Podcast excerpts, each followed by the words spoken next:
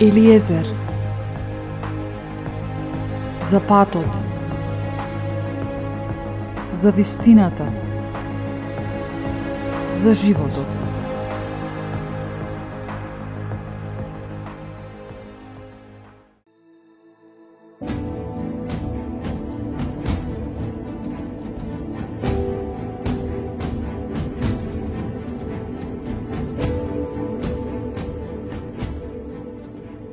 Мудрост Сирахова 38 глава.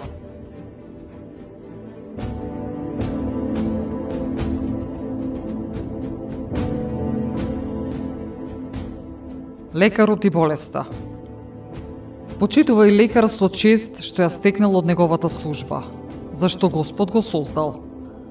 Лекувањето од Севишниот доаѓа како дар што се добива од цар – Знаењето лекарот го прославува и меѓу големци ќе биде на чест. Господ од земјата создала лекарства, човек разуме не ги отфрла. Нели преку дрво стана водата сладка за да се види неговата сила? Затоа на луѓето им дал знаење, за да го прослават во неговите чудесни дела. Со нив тој човекот го лекува и болестите негови ги отклонува. Оној што готви лекови, од нив прави смеса, на делата негови нема крај, а преку нив добро станува по лицето на целата земја.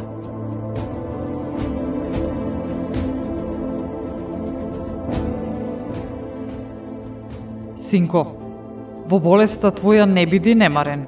Моли му се на Господа, тој ќе те излекува. Остави го грешниот живот, крени ги рацете и очисти го срцето од секаков грев. Принеси жртва добромирисна и спомени – жртва од првокласно брашно, а врз неа прелив од масло според можностите твои. А и на лекарот, дај му место. И него Господ го создал. Од тебе не оддалечувај го, зашто и тој ти е потребен. Понекогаш во рацете на лекарите има спас, и тие на Бога му се молат, за да им помогне на болниот олеснување да му дадат и исцелување за продолжување на животот. Оној кој греши пред Господа, нека падне во рацете на лекарот.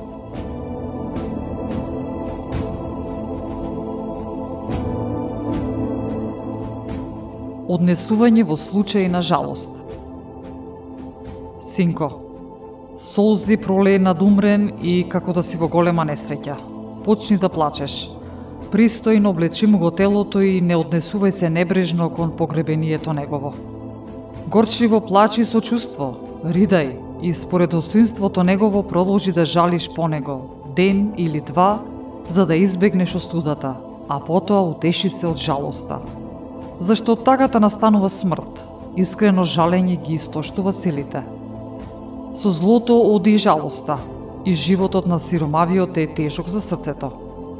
Срцето твое не предавај го на жалоста и отстранувај од себе си, мислејки на крајот. И не заборавај, враќање нема, нему не му користиш, а на себе штета си правиш. Спомни си на мојата пресуда, зашто таа иста и над тебе, вчера мене, а денес тебе.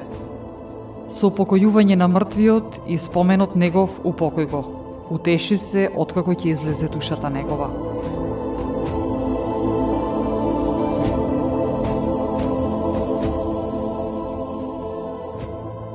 Лошата страна на физичката работа. Во слободно време мудрост на книжник се добива. Кој има слободно време, мудрост придобива. Како може мудар да стане оној што со рало работи и со пич се фали, кој волови тера и е зафатен со работа околу нив, а најчесто разговор само со јунци води. Срцето му е зафатено со тоа бразди да прави, а грижата негова е на телињата крма да им даде.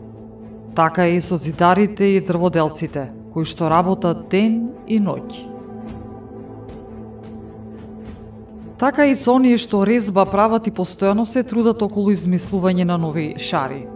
Со сите сили се трудат сликата нивна да личи на она што го прават и се грижат за да го совршат своето дело. Така и со ковачот, кој стои покрај наковалната и размислува за своето дело од железо. Димот од огнот телото му го истоштува, а тој се бори со горештината од огнот. Звукот од чеканот ушите негови ги заглушува, а очите му се вперени на образецот пред него. Со срце се стреми кон крајот на телото. Грижата му е да го оформи до совршенство. Тоа и грнчарот го прави.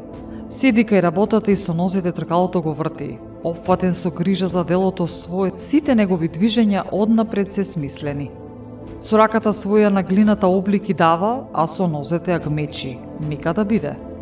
Со срцето копне садови добри да направи и се грижи да ја очисти печката. Сите на рацете своји се надеваат, секој кој усовршува својата работа. Без нив град не се изградува, ни жители се населуваат да живеат во него. На собир во собранија нив не ги канат, на судски места не седат, не расправаат за судски дела, не бранат и пресуди не донесуваат. Ги нема ни меѓу творците на мудри мисли, но тие го одржуваат животот на светот, молитвата им е насочена кон успехот на нивното уметничко дело.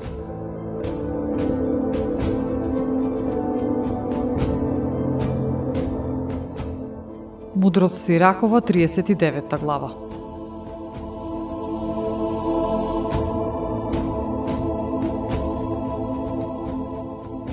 Само оној што душата своја ја посветил на размислување за законот на Севишниот, тој ја бара древната мудрост и се занимава со пророштва. Тој ги помни зборовите на славните луѓе и проникнува во смислата на нивните мисли. Тој го проучува сокриеното значење на зборовите и се бави со тајните на загадките. Меѓу големци ќе служи, со владетели ќе се среќава, ќе патува по земите на други народи, зашто искусил и добро и зло меѓу луѓето уште взори, срцето свој кон Господа го издигнува, кој го создал, се моли пред Севишниот, ја отвора устата своја на молитва и моли милост за своите гребови. Ако е тоа волја Божја, кој исполнува со дух на разум, зборови на мудрост тој сипува и со молитвата своја го прославува Господа. Добро ќе го управи умот свој и волјата и ќе размислува за тајните на Господа ќе изложува мудроста на своето учење и ќе се фали со законот на Божиот завет.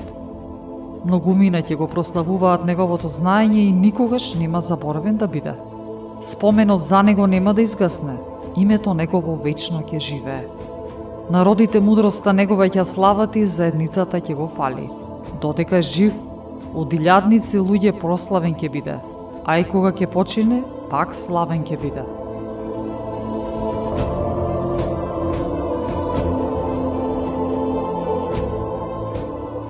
Откако размислив, пак ќе ви зборувам, бидејќи сум исполнет со мисла како полна месечина. Слушајте, побожни деца, и растете како ружа што расте покрај буен поток. Како темјан пријатна мирис бадавајте, сутете како кринови, пријатна миризба баширете и песни пејте.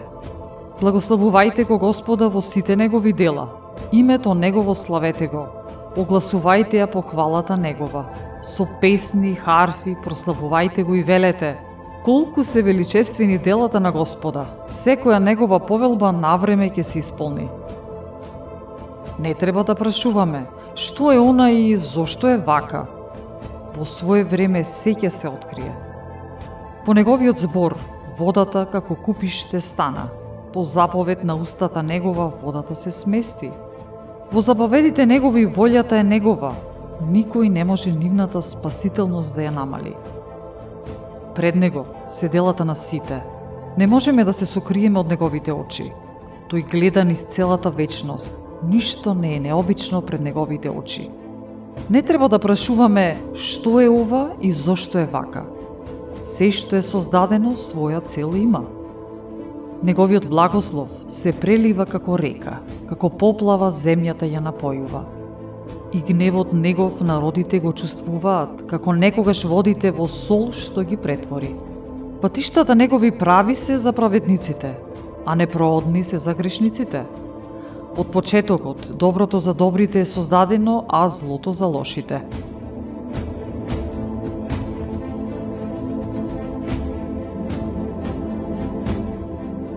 Основните потреби за животот на човекот се водата, огнот, железото и солта – пченичното прашно, медот, млекото, виното, маслото и облеката.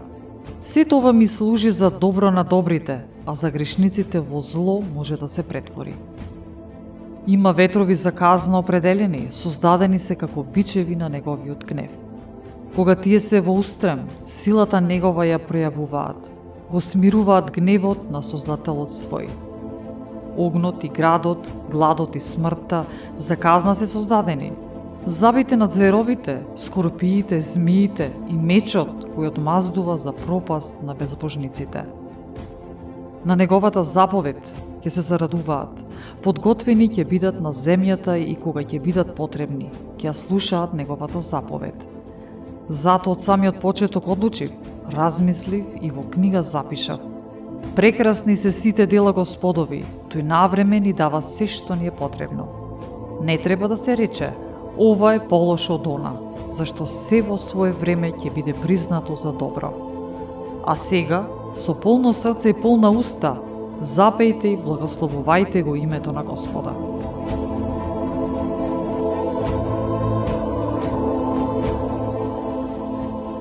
Мудрост Сирахова 40 глава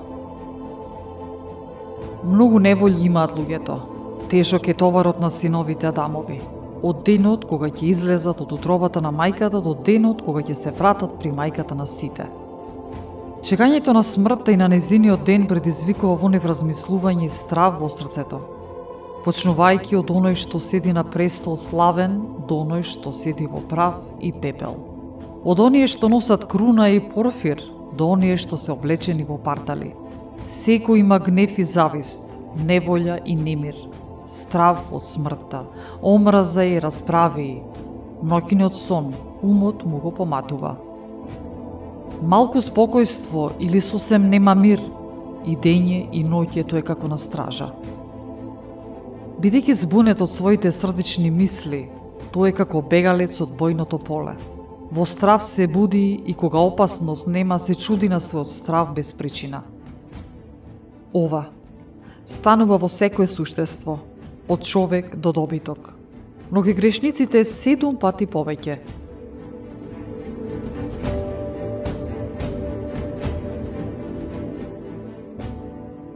Смрт и убиство, караници, меч, неволји, и глад, пропаст и удари. Сето ова е создадено за грешниците и потопот беше за нив. Се што е од земја, во земја се враќа а се што е од вода во море оди. Подкупот и неправдата гинат, а верноста ќе трае до века. Имотот на грешниците ќе пресуши како поток, ќе прегрми како силна грмотевица при пороен дошт. Кој штедро дава, тој се радува, престапниците конечно ќе загинат. Потомците на безбожните нема да пуштат фиданки, зашто нечистите корења се врз стрмна карпа трска што расте кај брегот на секоја вода. Се коси пред секоја друга треба. Добротворството е полно, со благослов, а милостината довека живее.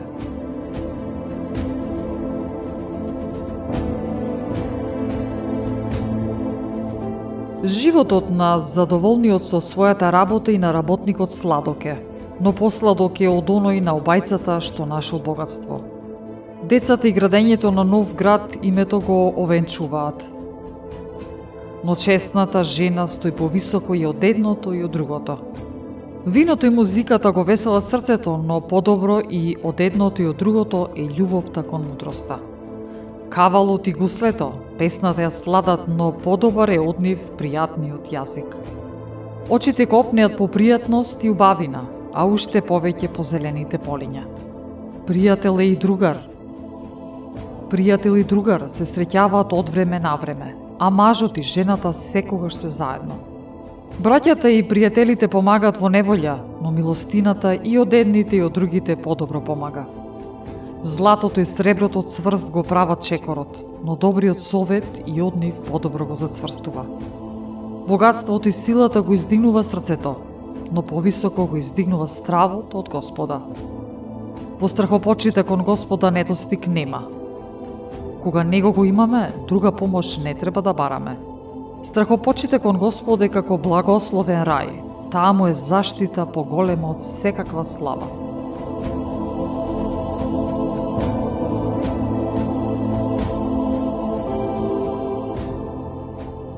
Синко мој, не живе од просење. Подобро е да умреш, отколку да молиш за милостина. Тој што на туѓа трпеза гледа, неговиот живот не е живот. Со туѓи јадења својата душа ја понижува. Разумниот и воспитаниот ќе го одбегнува тоа. Во устата на бесрамниот питачката е сладка, но во утробата гори како оган.